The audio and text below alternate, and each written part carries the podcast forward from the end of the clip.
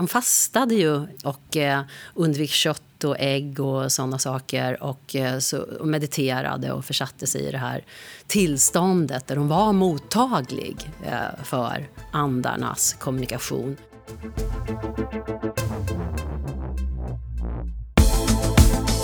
Anna Lestadius Larsson har skrivit boken Hilma, en roman om gåtan Hilma av Klint.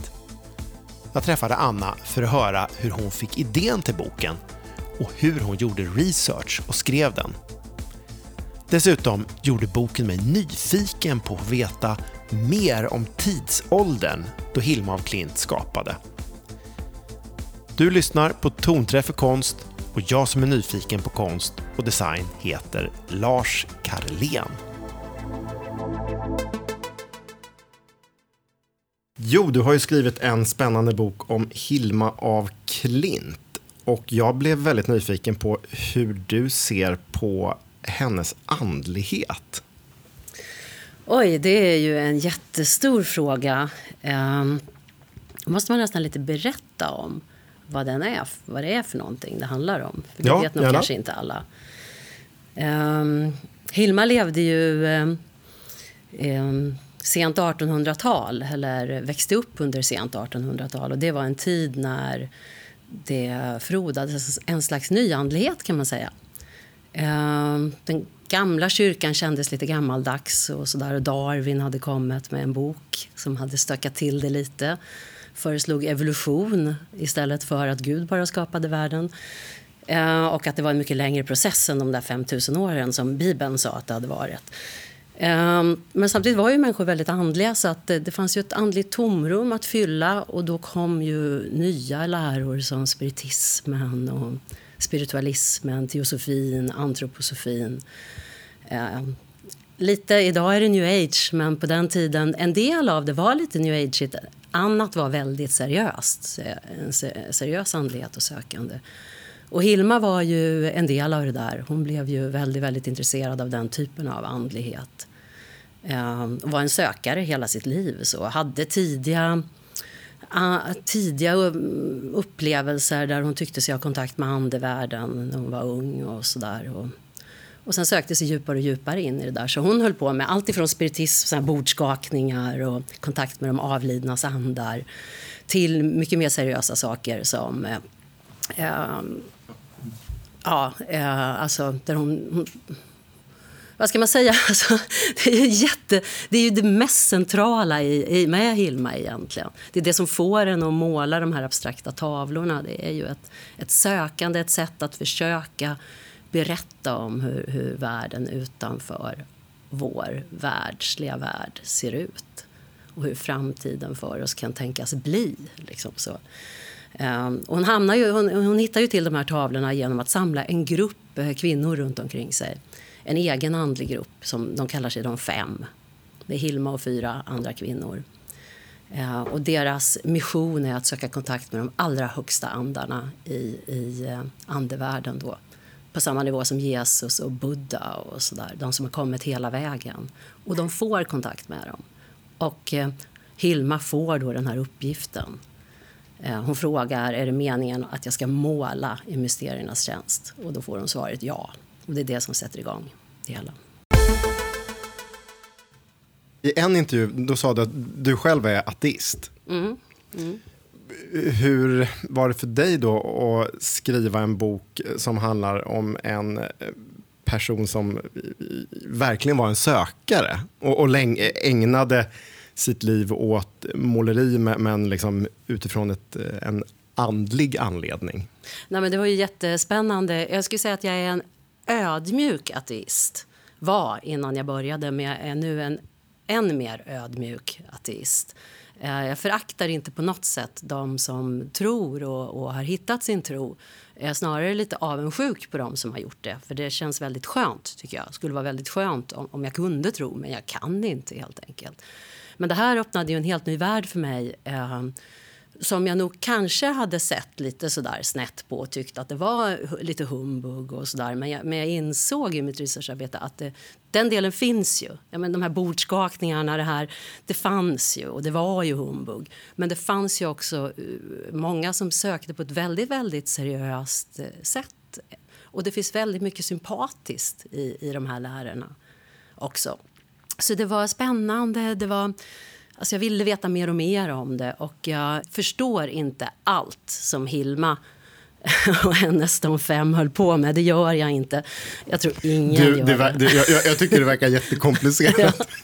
ja, det, det, det, var väldigt komplicerat. Och i min roman har jag försökt att göra det så enkelt som det bara går.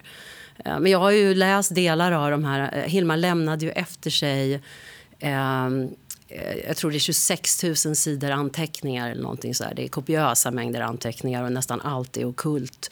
Och jag har läst delar av det och jag har suttit där och rivit mitt hår för att försöka bringa någon logik i det. Och så har jag gått, jag sitter på övervåningen hemma och jobbar och så har jag gått ner och min man har varit hemma och jag liksom bara åh, jag orkar inte, jag har så ont i huvudet, jag förstår inte det här. För att man vill så gärna hitta logik. Eh, på något sätt. Men jag tror inte det här kan förstås logiskt. Och jag tror att det var därför Hilma till slut frågade om hon skulle måla det. För att jag tror det måste förstås med, med hjärtat och känslorna. Och inte eh, hjärnan, intellektet bara. Men du sa att du kunde uppleva delar av det här som väldigt sympatiskt. Kan du utveckla det? Ja, men till exempel så finns det ju då en, en det finns ju saker man förstår här i den här läran. Och, och en, en, grund i den här läran som de höga lär de fem är att eh, allt är ett från början till slut. Man och kvinna var ett men drevs isär och, och könskampen som pågår, pågick då, pågår idag är egentligen bara en kamp för att vi ska bli ett igen. Så. Och Hilma skriver vid något tillfälle, eller det är ju andarna som säger till henne då att vi, vid här, just nu så är varje kvinna eh, 25% man och 75% kvinna och vice versa. Och eh, jag tänker det är så roligt för att idag då, om, de skulle, om, någon, om jag skulle få kontakt med andarna idag så skulle de förmodligen säga till mig att idag så är varje kvinna 40% man och 60% kvinna och vice versa. Så därför det har ju skett, vi blir ju mer ett, så att säga, mer lika. Mm. Sen är också en annan sån där är, eh, evolution. Att det sker en, eftersom evolutionsteorin var så stor på den här tiden så säger ju andarna då att det, precis som på jorden så sker det en evolution i andevärlden. Eh, från ett lägre tillstånd till det högre. Alltså det går aldrig neråt, det går bara uppåt. Eh, och, och, och den utvecklingen sker då via reinkarnation.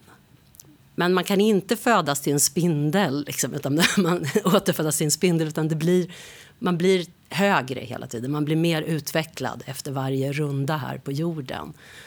Men man kan också födas till... Jag skulle kunna återfödas som man. och Så, där, så det finns liksom ett, ett transperspektiv här. Alltså det här är ju inte helt lätt att, att sätta sig in i. Och, och du undrar hur... Du, du sa du läste väldigt mycket. Men på vilka andra sätt förberedde du dig när du skulle skriva boken? Nej, men jag gör ju jättemycket research när jag skriver mina böcker. Det gjorde jag inför min trilogi också. Jag har ju hyllmeter med 1700-talslitteratur hemma. Jag har skrivit en trilogi om 1700-talet då. Mitt syfte här var ju att försöka skriva fram människan Hilma vem hon var. Det var liksom mitt mål. För det är inte skrivet egentligen. Och jag blev så nyfiken på vad, vad, vad, var det för någon person som kunde göra det här fantastiska, märkliga verket som hon gjorde så där, när jag såg tavlorna. Och eftersom Hilma då visar sig nästan inte ha lämnat någonting privat efter sig. Det finns några bilder, det finns några privata brev. Men nästan allt är hennes okulta anteckningar och hennes eh, målningar. Då, som ju är över 1200 eller någonting sånt där. Eh, så fick jag ju närma mig henne på ett annat sätt och jag fick ju närma mig henne egentligen genom tid, alltså i ringar liksom så här. Tid, tiden, lära mig tiden, lära mig tidsandan, lära mig om de här strömningarna, andliga strömningarna och andra politiska strömningar som påverkade Hilma under den här tiden. Sen ringa in såklart var hon bodde, vilka människor hon umgicks med och titta på i deras dagböcker och så där för att se fanns det någon notering om Hilma där. Och, ja, du vet så där. Så det var gå i adressregister, se vilka bodde på samma adress som Hilma. Och, så att jag har liksom kartlagt henne liksom på något sätt utifrån och in kan man säga nästan började så. Och man ska också veta att att antroposoferna, i alla fall Hilma och Steiner, de, det var ju att studera. De studerade ju hela sitt liv. Det var ju det de gjorde. Så att Hilma, hade du frågat Hilma innan hon dog, 82 år gammal, 1944, så skulle, skulle inte hon säga att hon förstod. så, så, så komplicerat är det. En grej som framkommer mycket det är det här också, ja, kvinnofrågan. Mm. Och det, är det, är är det din fantasi eller önskan eller, eller finns det fakta för att hon var liksom engagerad på det sättet som det beskrivs i boken? Alltså, eh, Hilma var ju väldigt nära vän med Ottilia Adelborg eh, som ju var eh, en eh, en eh, väldigt känd illustratör av barnböcker och, och, författare till barnböcker på den här tiden. Också engagerad i kvinnorörelsen, för, eh, kampen för kvinnor, kvinnornas rösträtt. Hon gjorde bland annat såna här rösträttsvykort. Eh, Ottilias syster Gertrud var en av de främsta rösträttskämparna. Hon eh, uppvaktade både kungen och statsministern i frågan. Eh, de, hon och en annan kvinna trängde sig in hos statsministern och packade på honom, prackade på honom liksom deras eh, eh underskrifter och så där då i ett tidigt skede. Så att, så att, att Hilma hade kontakter med den rörelsen, det får man, är nog ganska så säkert. Eh, det var ju också så att det här var en tid när, eh, alltså tidiga 1900-talet, man kan säga från att eh, de intellektuella männen kanske på 1880-talet hade varit ganska positiva till kvinnornas nya rättigheter de hade fått och att man öppnade de här skolorna för, för kvinnor. Det tyckte de var en ganska bra idé.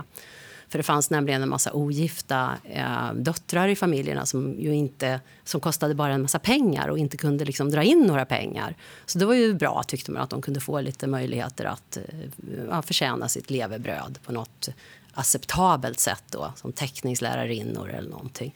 Men sen visade det sig att de, de blev ju inte teckningslärarinnor allihopa. En del blev ju mycket bättre än männen. Det, liksom, och det hade de ju inte riktigt räknat med. Det var ju jättemånga kvinnor som tog den här chansen. Så då blev det en backlash mot kvinnorna kan man säga. Samtidigt som rösträttskampen pågick då i början på 1900-talet där. Så de manliga konstnärerna de uteslöt kvinnorna ur sina eh, föreningar och sina grupper och sådär.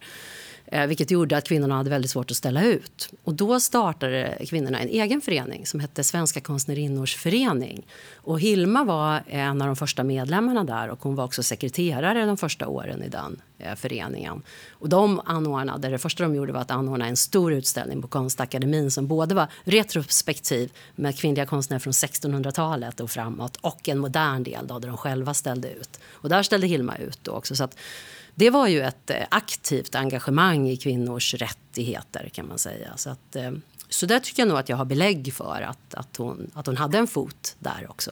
Så. Hon fick ett, eller hennes konst fick ett väldigt eh, stort genomslag för bara för några år sedan. Mm. Tror du att det har någonting med att göra med just att hon var en kvinnlig konstnär? Eh, nej, det tror jag inte. Hon, målade ju på beställning eh, porträtt och så. Och hon, hon, hon, målade landskap och andra tavlor som hon ställde ut och som såldes till privatpersoner och till konstföreningar och sådär. Men sina abstrakta, sina abstrakta verk tempelmålningarna, de här som anses vara det centrala verket hon gjorde och så. Det visade hon aldrig offentligt eh, under sitt liv. Eh, hon visade det, men då för antroposofer och såna människor som var liksom införstådda i den här andligheten. Och så. Hon såg det nog inte enbart som konst, hon såg det nog som ett andligt projekt eh, i stort, i mångt och mycket, tror jag. Eh, sen så var det en önskan från henne att det inte skulle visas för 20 år efter hennes död. Och, eh, så det kan man ju säga att det respekterade ju då Erik eh, och lät de här tavlorna ligga där uppe på sin vind på Karlavägen allihopa. I drygt 20 år blev det för att han eh, gick i pension innan han tog tag i det här projektet. Det var ju några tavlor. Men sen då, då tog han med sig sin son Johan, just då, som jag pratade om tidigare, upp på den här vinden och de rullade upp dukarna och tog diabilder på dem. Eh, och sen så pinnade Erik iväg till Moderna Museet och Nationalmuseum som jag förstått det eh, och erbjöd dem eh, verket. Och de var inte ett dugg intresserade. Det här var i slutet på 60-talet. Det tror jag berodde på att hon var kvinna. Eh, att de inte var intresserade av, eh, av henne då. De tyckte bara att det var en galen kärring som hade gjort någonting. Ja. Sen dröjde det ju till 86 eh, när eh, Eh, det var en stor utställning som skulle göras i Los Angeles eh, som handlade om det okulta inom den abstrakta konsten. För då hade man upptäckt att eh, Kandinsky och Malevich och så hade teosofiska intressen. Så. Och då så tog man kontakt med en konstvetare i Åbo som hette Sixten Ringbom. Han var den som visste mest om Kandinskys okulta intresse. Så. Han hade skrivit en avhandling om det till och med. Men han hade också eh, sett Hilmas tavlor. Eh, för en antroposof som hade träffat Hilma i livet hade flyttat till Åbo. Så, så där, det går liksom den vägen av en slump kan man säga. Eh, så när han får den här frågan att hjälpa till med den här utställningen då säger han visst det kan jag göra men ska ni inte visa några bilder av den här eh, kvinnliga konstnären, eh, svenska kvinnliga konstnären Hilma af Klint. Hon var ju ändå flera år före de andra med att måla abstrakt och hon hade också okulta intressen.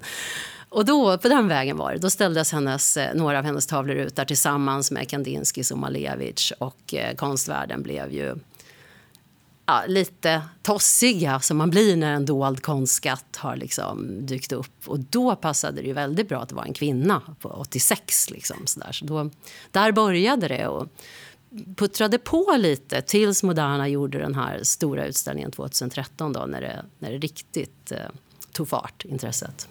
Kan du beskriva hur det var första gången du såg hennes konstverk? Ja, det, det kan jag.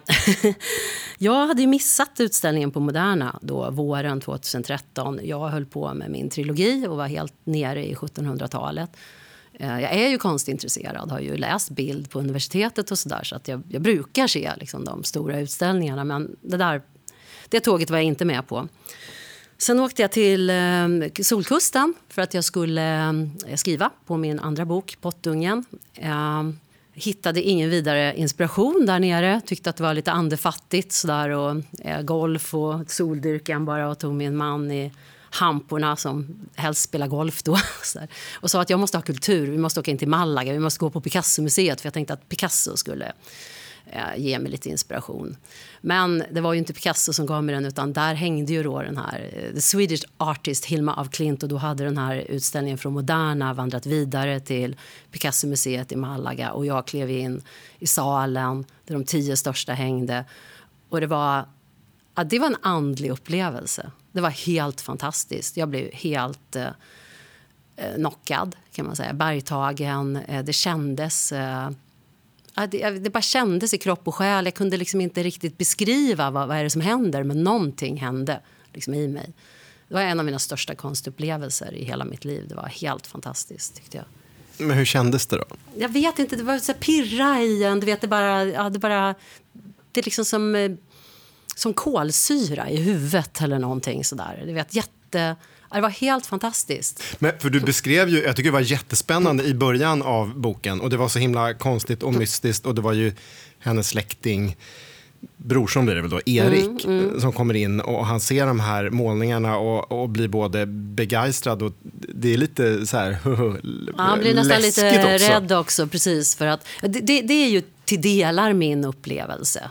Blev du lite rädd också? Nej, jag blev ju inte rädd, men det tänker jag att han blev på sin tid för att han hade inte sett så mycket konst som överhuvudtaget påminner, alltså han hade inte sett något liknande. Jag har ändå sett eh, den här typen av konst, även om jag tycker att just att Hilmas är något alldeles speciellt. Och det handlar ju också om storleken på dukarna. För att då när hon, när hon då gör det här som ingen annan har gjort och hon är kvinna och allt där så gör hon det ju inte i något lite trevande eh, sådär, försiktigt format utan de är ju jättestora. De är ju, jag tror de är 3 gånger 20 gånger 2,4 meter var och en av de tio största så det är ju jättestora abstrakta verk. Så.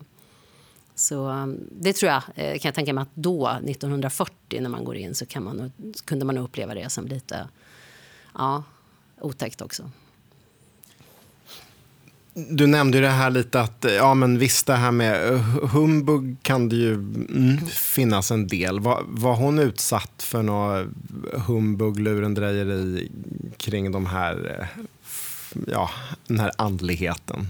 Alltså, det vet jag inte om hon var. Eh, vad jag vet är att hon hela tiden sökte sig liksom, djupare. Så, där, så att jag, jag, tror att hade hon var, jag tror nog att hon var med om tidiga försök med psykografer och så där. Det var så verktyg som eh, ja, som träverktyg som vilade på en kartongskiva med bokstäver och sen så var det en penna i mitten och sen så höll man i den men andarna förde den fram och tillbaka så att det bildade ett budskap. Och så här. Jag tror att de fem höll på med det också en del faktiskt. De prövade sig väl fram så men jag tror att hennes syfte var ju seriöst. Så.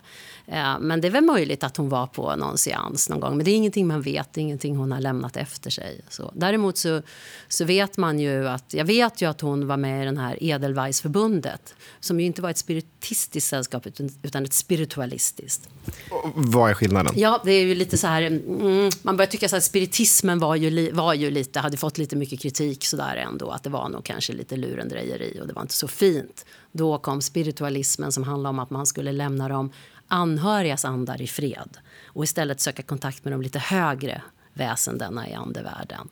Så att det var lite mer seriöst. Lite det var förfinat. pang på Buddha och Jesus? Alltså. Nej, det var ju de fem som gick där hela vägen upp där sen. Utan det här var liksom lite, lite högre. Jag tror inte att spiritualisterna tänkte sig nog inte riktigt det här järva projektet som Hilma, för de riktade sig ju ända högst upp. Liksom. Det är ju ganska kanske nästan lite förmätet att tro att man ska få den kontakten. kanske, jag vet inte. Men de fick den ju. Så. Ja. Men var det några saker som var speciellt för dig att skriva just om en konstnär? Alltså lite var, kanske kan ju vara lite svårt på det sättet när man inte själv är konstnär.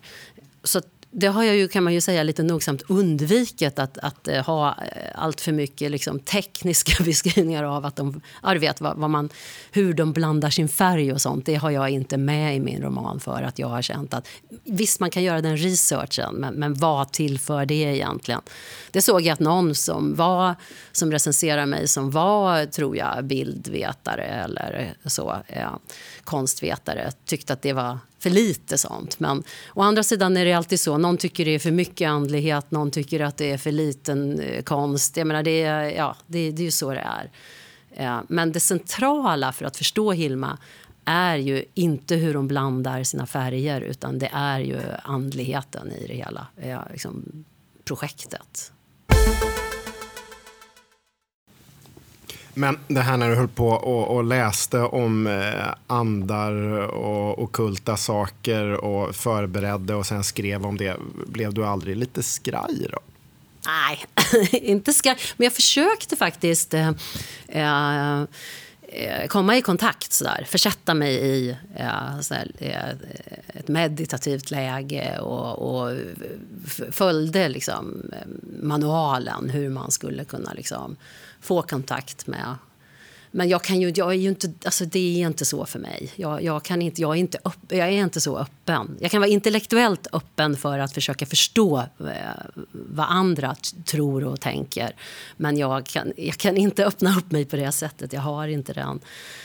Samtidigt som jag då är lite avundsjuk på Hilma på det sättet att det, mm, man skulle ju kunna översätta hennes, eh, det här läget. Hon försatte sig i ett meditativt... Hon fastade ju eh, och eh, undvek kött och ägg och såna saker. Och, eh, så, och mediterade och försatte sig i det här tillståndet där hon var mottaglig eh, för andarnas kommunikation. Senare gick hon utanför de fem och kunde försätta sig i det läget själv. Så.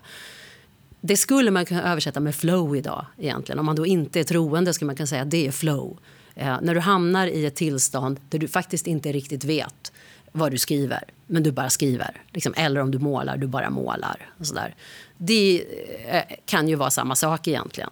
Ehm, och det är ju jag ganska dålig på. Det händer att jag hamnar i de tillstånden, men, men inte så ofta. Och Hilma hade en förmåga att gå in och ur och styra de här, eh, det tillståndet. Det skulle jag vilja lära mig. Fasen vad fort det skulle gå att skriva böcker då. och vad bra det skulle bli, förmodligen. För det är ofta då man, det är ofta då det blir riktigt bra. Sen måste man ju gå tillbaka och redigera det. Sådär. Men, men, men när man släpper alltihopa och bara så släppa överjaget kanske, öppna sig. Så där. Ja. Men förstår jag det rätt att, att du försökte komma i kontakt med andar? Ja, det försökte jag också, men det, var ju, gick ju inte. Nej, men jag tänkte, men, men hur jag, gör man det då? Ja, jag kommer inte ihåg det, men jag, hade, jag, jag tog reda på en manual hur, man, hur, hur, hur de gör som håller på med sånt här idag. Liksom, sådär. Uh, man ska ju liksom, det ska vara lugnt och, och, och, omkring en. Man kan ha något ljus tänt. Man kan ha, man kan ha lite låg musik eller också. Det ska i alla fall inte vara något störande. Och sen så, ja, du vet. Så här. Men eh, man kan andas på ett speciellt sätt och sådär. Men, nej, men det kom inga till mig. Så, nej. Om, om man tänker lite det här, alltså en slags varumärkestänk. För hon, hon har fått en väldigt genomslag. Mm. Eh, om man nu skulle försöka och... Ja, det var ju synd att hon inte liksom fick det tidigare. Eh, men eh, om man är konstnär idag, vad skulle man kunna lära sig då av hur hon gjorde? För hon har ju lyckats att göra något som ta mig har fått en, jag menar, de visar till och med i Spanien och USA och sådär. Det är ju inte ah, många svenska ah. konstnärer från den tiden som man gör det. Eh, nej men alltså jag vet inte riktigt för att grejen med Hilma är ju att hon är ju så helt off varumärke som en människa kan vara.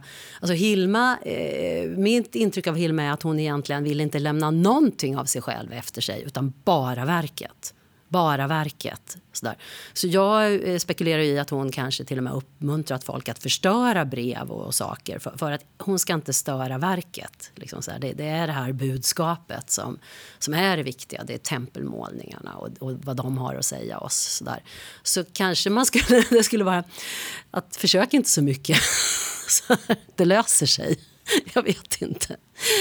Men äh, det är svårt för att hon var verkligen inte inte någon som var om sig och kring sig själv som person. Men däremot verket ju såklart. Men det kan ju också vara så att har du gjort något väldigt unikt och väldigt bra, ja, då kommer det slå igenom. Så, så kan det ju vara. Och, om jag fattar det rätt, jag vet inte om jag gör det, men, men var det inte så att hon, hon, tyckte egentligen inte att det var hon som målade, utan det var ju de här högre makterna på något sätt Precis, som hon, gjorde det genom henne? Precis. Ja. Men, men hur, hur, ser du på det då? Ja, det ser jag på som att det är en sanning med modifikation. Så. Eh, för att, eh, jo men hon säger ju att, att, att hon målar ju medialt, va? Eh, så att eh, hennes hand styrs av de här höga mästarna. Det är liksom de som målar. Via, alltså I alla fall i början, de, här, de tio största och så där, de, tavlorna eh, skriver hon att det är så, så det går till. Det är Buddha och gänget direkt ja, det är, inte, Buddha, det är ju inte Buddha och Jesus utan de har ju andra namn då som Gregor och Ananda och, och lite olika namn. Så. men de är, de är på den nivån. Liksom, så där.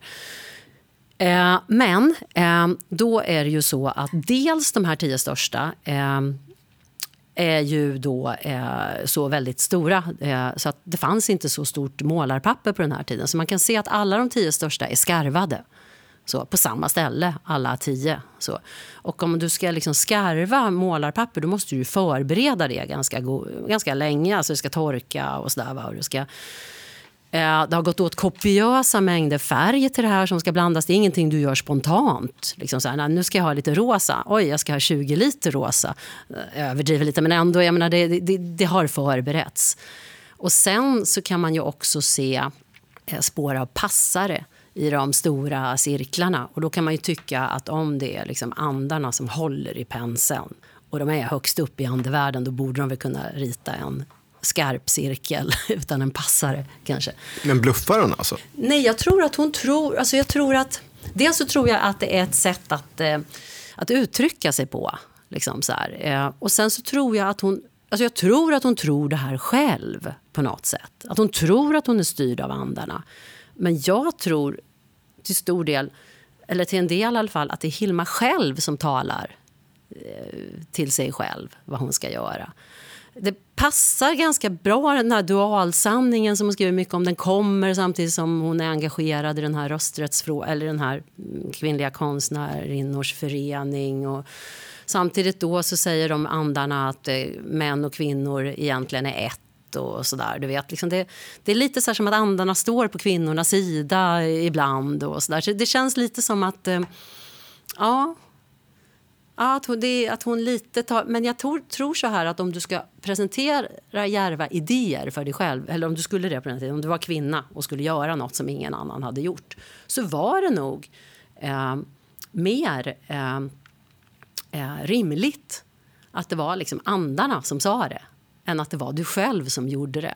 Eh, i den här tiden. Eller det var skönare att säga så kanske på ett sätt. För det fanns ju en ganska stor sån här okult rörelse. Hon var ju på intet sätt ensam. Jag menar, kungen Oscar II var väldigt intresserad av de här frågorna och sådär. Så det, det, var ju liksom en liten hype bland överklassen att hålla på med sånt här. Uh, så ja, det är komplext. Men uh, ibland så känns det lite som att... Det, och andarna säger ju också till henne så att hon ska Eh, Eh, ja, nu, nu, är du, nu är du snart utarbetad, nu måste du ta en paus. Du ska måla i tre veckor så ska du vara ledig och vara i det vanliga livet i tre veckor. Och det är också sådär som man tänker att man kan komma på så här, ja, men nu måste jag ju vila lite, nu håller jag på att bränna ut mig, nu måste jag dra i bromsen. Men det säger andarna till Hilma. Så, där, så att de, de är ganska praktiska också. Så där. Och det kanske de är, vad vet jag? Jag har ju inte haft kontakt med andevärlden så jag vet inte. Så. Men det lät som att du på något sätt, eh, du säger att du är ateist men att du på något sätt har blivit ännu öppnare som ateist. Eller? Nej, men alltså jag, har blivit, jag har blivit mer... Alltså, Alltså jag, hån, jag kanske hade ett litet drag av att jag kunde håna människor som trodde, för, alltså som, som verkligen hade en, en, stark tro tidigare. Jag kanske kunde skoja om det. Så. Nu sitter jag i ganska arga diskussioner med min man och min bonusson som är liksom verkligen inbitna ateister. Eh, där jag verkligen försvarar tron så. Alltså, eh, och, och, och, och respekten för tron. Liksom så för det, det, tror jag man ska ha. Sen finns det ju komplicerade sätt att tro som fundamentalistiskt sätt att tro som, som, jag, som jag inte har så stor respekt för. Men, men det var inte så Hilma var. Hon var en sökande människa. Hon sökte. Så eh, hela sitt liv, ända till sin död.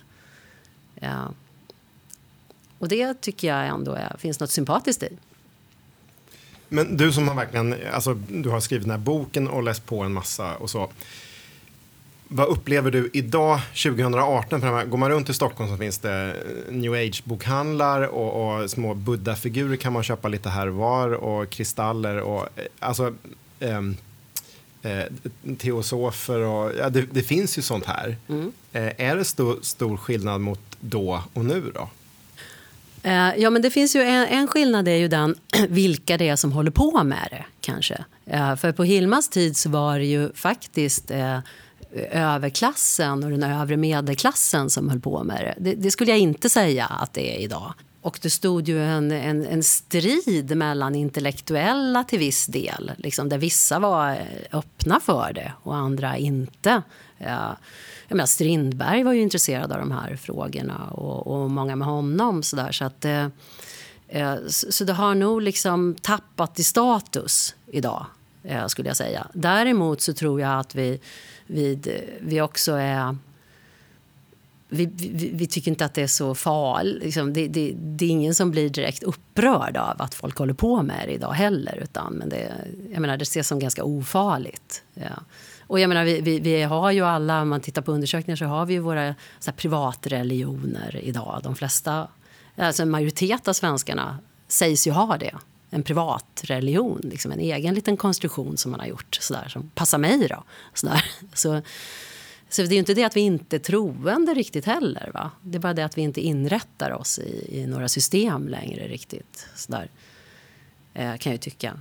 Men sen finns det ju något som är spännande tycker jag med Hilmas tid och vår och det är ju det att eh, som kanske gör oss lite, för jag tror det finns någon slags sökande idag som börjar. Alltså det, det finns någon behov av att det ska kunna vara någonting annat än bara det här som vi ser åt som är likt eh, det som var på Hilmas tid och, det, och, och, och, både Hilmas tid och nu är ju någon slags brytningstid på något sätt. Jag menar, för, för I slutet på 1800-talet när Hilma blev vuxen så, det var ju så här, hände ju så jättemycket. Det var ju en tid av stora samhällsomvälvningar. Det gick så här rasande snabbt allting och folk förstod inte riktigt vad det var som hände. Och, du vet, urbanisering, masskon, massproduktion, masskonsumtion, varuhus öppnades. Och allt verkar väldigt materiellt. Och eh, är det det här, is this it? Den frågan lite Eh, ställde dem. Och det gör vi ju lite idag också. Vi Bara, äh, äh, aha, var det här allt? Sådär. Så det finns ju likheter. Så, så det kan ju vara... Alltså, kanske att vi det är kanske därför Hilma nu när Moderna gjorde sin utställning 2013, det kanske var därför den fick ett sånt ofantligt genomslag och sen när den har gått på turné i Europa och nu är den ju i Sao Paulo i Brasilien jätteuppmärksammad och sådär. Det kanske är därför det drabbar oss på ett annat sätt än tidigare då på 80-90-talet. Att för, att, eh, för att vi söker någonting nu. Vad har du blivit mest förvånad över i mottagandet av eh, din bok om Hilma af Klint? Jag vet hur, hur tänker du? Förvånad? Ja, är det några som har blivit eh, extra intresserade av den som du inte riktigt mm. hade förväntat dig?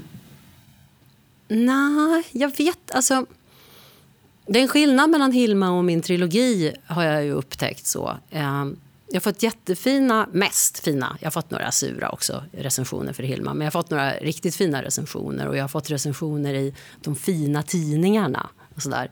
Vilka är fina då? Ja, men DN, Svenskan och sådär. Ja, alla de stora tidningarna har jag fått. Men jag fick fina i DN och Svenskan och sådär. Och, eh, och det är ju... Så att den är liksom... Ja, den anses då vara värd att recensera mer än min trilogi var. Eh, den har också recenserats, men inte av de här stora, eh, flotta eh, kulturredaktionerna. Men jag har ju också mött, sett mest sett så på bokbloggar och sådär att en del blir besvikna. för att de, Den är inte riktigt lika lätt som trilogin eh, eftersom det är det här andliga sökandet. Och en, del, en del tycker det är jättespännande och andra tycker att det är nej, jag blir jättebesviken. Varför är det så mycket andlighet? Jag orkar inte med all den där andligheten. och jag kan inte göra så mycket åt det för att man kan inte skriva om Hilma av Klint eh, även om man skriver en roman. Man kan inte skriva om man inte skriver om andligheten. För det var hennes liv. Så, så, mm. Vad har du haft för nytta av att du... Du, du har ju varit journalist på eh, Amelia, Aftonbladet, Svenska Dagbladet och flera andra tidningar. Vad, vad har du haft för nytta av det när du nu skriver de här böckerna som får ett väldigt genomslag? Alltså jag har ju mest haft nytta av min journalistiska bakgrund eh, när det gäller researchen. Så jag, jag har ju eh, alltid varit väldigt historiskt intresserad och konstintresserad också. Eh, och har ju eh, läst, eh, alltså, samlat på mig böcker och läst genom åren och sådär. Så att, eh, Ehm, jag har ju liksom en grund att stå på, en, så när det gäller, alltså en historisk grund att stå på. Men sen är det ju kopiöst researcharbete. Alltså det är jätte, jättemycket researcharbete för att skriva historiska romaner. Så Eh, och där har jag ju nytta från journalistiken av att liksom kunna hantera material och bryta ner det och ta ut det viktigaste. Och så där. För jag forskar ju inte. Jag använder ju forskarnas eh, material i mina böcker. Så att jag, mitt, min uppgift, eller för, jag hittar, jag ska hitta forsk, liksom, eh, avhandlingarna, uppsatserna och sen ska jag bryta ut det som är intressant för mig i dem. Så där. Ehm, så det är ju ehm, det, det jag tycker att jag har haft väldigt nytta av journalistiken. Ehm, sen när det gäller så marknadsföring, så varumärkesbyggande eh, så är det ju så att man är ju hopplös på det när det gäller en själv. Alltså, det ska vara jättelätt för mig att marknadsföra dig och din blogg men jag kan inte marknadsföra mig själv. Ja, förlåt, förlåt, förlåt, förlåt. Jag vet att det är en podd, vi sitter i en podd. I'm sorry. Men, men, men, men, du förstår vad jag menar, det, det är så jäkla mm, mm. svårt och det går inte att och ringa. Alltså det går inte ens att ringa. Jag känner många i media. Jag kan inte ringa till någon kompis eller gammal kollega och säga skriv om min bok. Jag menar, det går inte. Nej, nej. Så så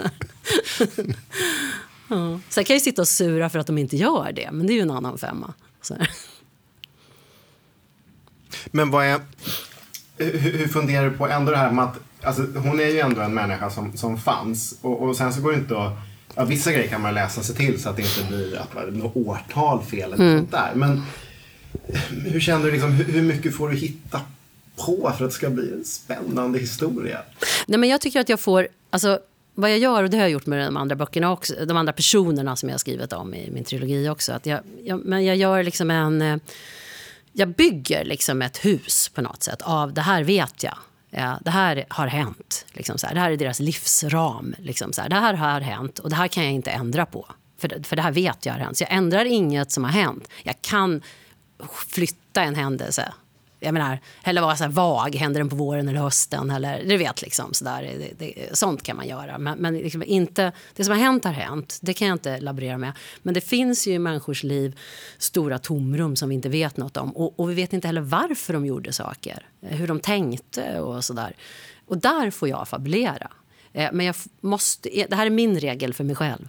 Det finns ingen regel. det finns inte så här, så här gör du. Utan man får liksom mm, göra något regelverk för sig själv hur man ska hantera det. Och då så eh, har, har, har jag gett mig själv tillstånd att fabulera i de här tomrummen där vi inte vet. Men göra det utifrån det som verkar troligt. Förstår du? Det här verkar troligt. Kan det här? Alltså, kan det ha varit så här? Om svaret är nej, då får jag inte göra det. Men finns det liksom så här 10 chans, ibland kan det räcka med det. Ja, men det skulle ju faktiskt kunna vara så. Det skulle kunna varit så. Då, kan, då får jag göra det. Ibland måste man eh, ta de där 10 procenten för dramaturgin. Så där, för, att, för att man måste liksom, eh, få en dynamik i sin berättelse. Så där. Men det måste kunnat ha hänt. Liksom så. Så, så är det för mig.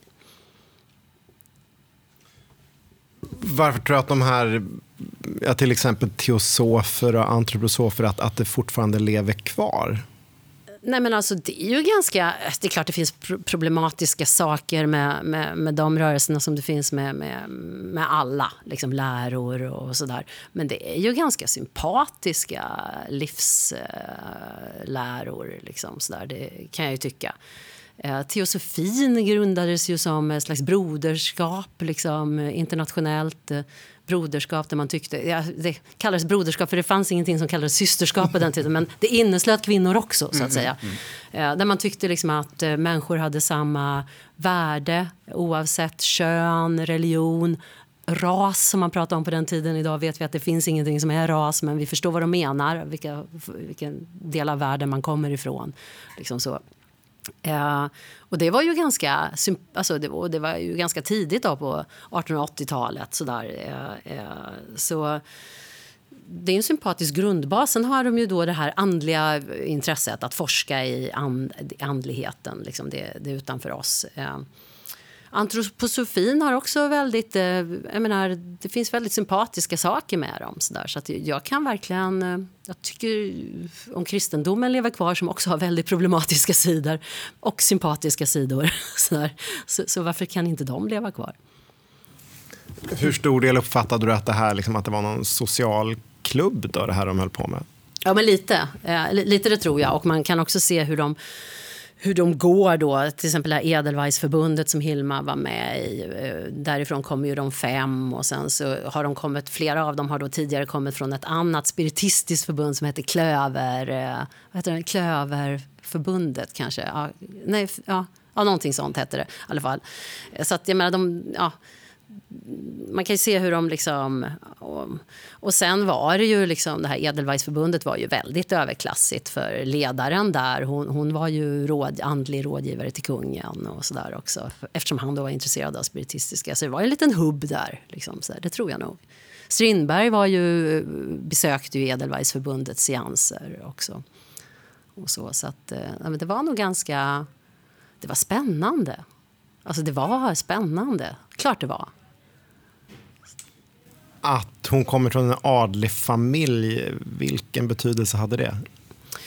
Ja, alltså, kanske inte så mycket att den var adlig, men hon kom ju från, vad ska man säga, en, en lägre delen av överklassen kan man säga. För det här var ju inte en, eh, det var inte en förmögen adlig familj. De var ju långt ifrån fattiga. De hade ju två herrgårdar på Adelsö, men väldigt små herrgårdar. Eh, så det var, inte vräkigt på något sätt. De, lev, alltså de, de var tvungna att tänka på, eh, för att få det här att gå runt. Liksom, sådär. Och det tror jag hade betydelse för Hilmas val eh, av, eh, av att gå konstakademin. Eh, att utbilda sig. För att hon, eh, hon var nog, tanken var nog att hon skulle bli teckningslärarinna tror jag. För att hon skulle försörja sig då. För att eh, blev man, många kvinnor blev, blev ju ogifta. Det fanns, rådde ett kvinnoöverskott på den här tiden. Eh, så det var ganska realistiskt att tänka sig att man skulle bli, kanske inte gifta sig. Och då var man tvungen, då, om man kom från Hilmas familj var det nog bra om hon kunde försörja sig. För så, så det var inte, de var inte förmögna. Så, att, så då var hon tvungen att välja något. Och då valde hon, ju, eftersom hon var begåvad, eh, konstnärligt begåvad, så valde hon Konstakademin. Som ju var en av de tidigaste utbildningarna som öppnades för kvinnor i Sverige.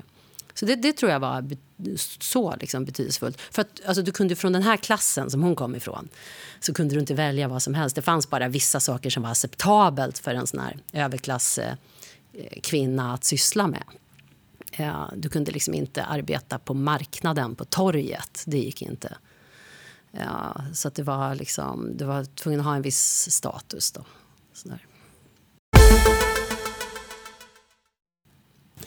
Går det för dig att skriva en bok där en man är huvudperson? Ja, men det, jag, den frågan har jag ställt mig själv. ja, det, det, hoppas jag ju att det, att det skulle gå att göra. Eh, jag tror att i den här, inte den jag skriver på nu, men den här min släktsaga där som jag pratar om. Där, där tror jag att det kommer vara män mer eh, än det har varit eh, nu. Eh, i Hilma är jag ju ändå ganska... Alltså där Erik är ju, är, ju, är ju en bra person i Hilma-boken. I min trilogi är, ju, är det en ganska dyster mansbild jag förmedlar till största delen, kan man ju säga. Uh, men uh, det skulle vara intressant att göra det. Så, ja, jag tror att det går. Vad känns som största utmaningen då? Att byta kön? Så. Jag vet inte, för att man brukar ju säga så här det finns ju en massa män som har skrivit om kvinnor som, eh, som huvudfigurer ändå. Eh, och man brukar ju säga att kvinnor är tvåkönade i vårt samhälle. Att vi, vi måste behärska båda språken, både det kvinnliga språket och det manliga språket. Och de eh, manliga koderna och de kvinnliga koderna. För att det är liksom de manliga koderna som gäller. Och det manliga språket som gäller i vårt samhälle. Ja, det är så här, man brukar säga inom feminismen i alla fall. Så, där. så då är ju jag redan tvåspråkig. Så det ska vara mycket svårare för dig att skriva en bok med en kvinna i huvudrollen. Ja, det tror jag skulle vara omöjligt.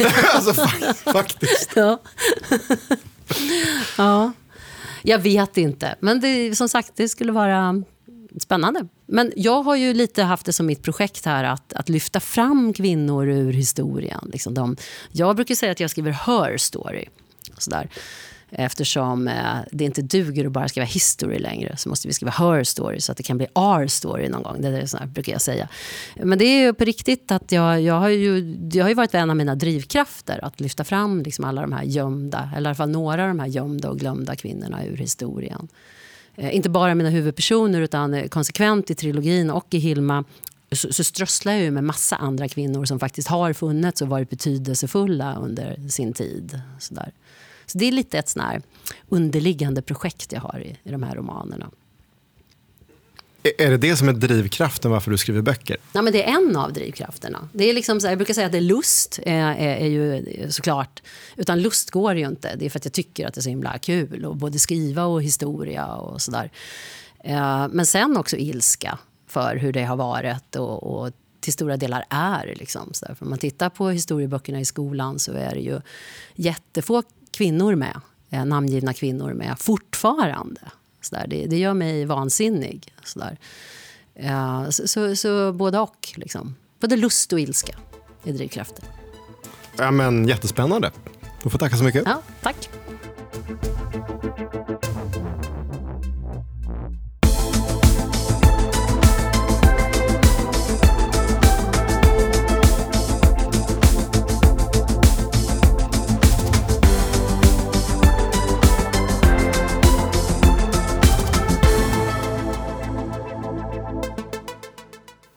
Tonträff är producerad av produktionsbolaget Tonträff.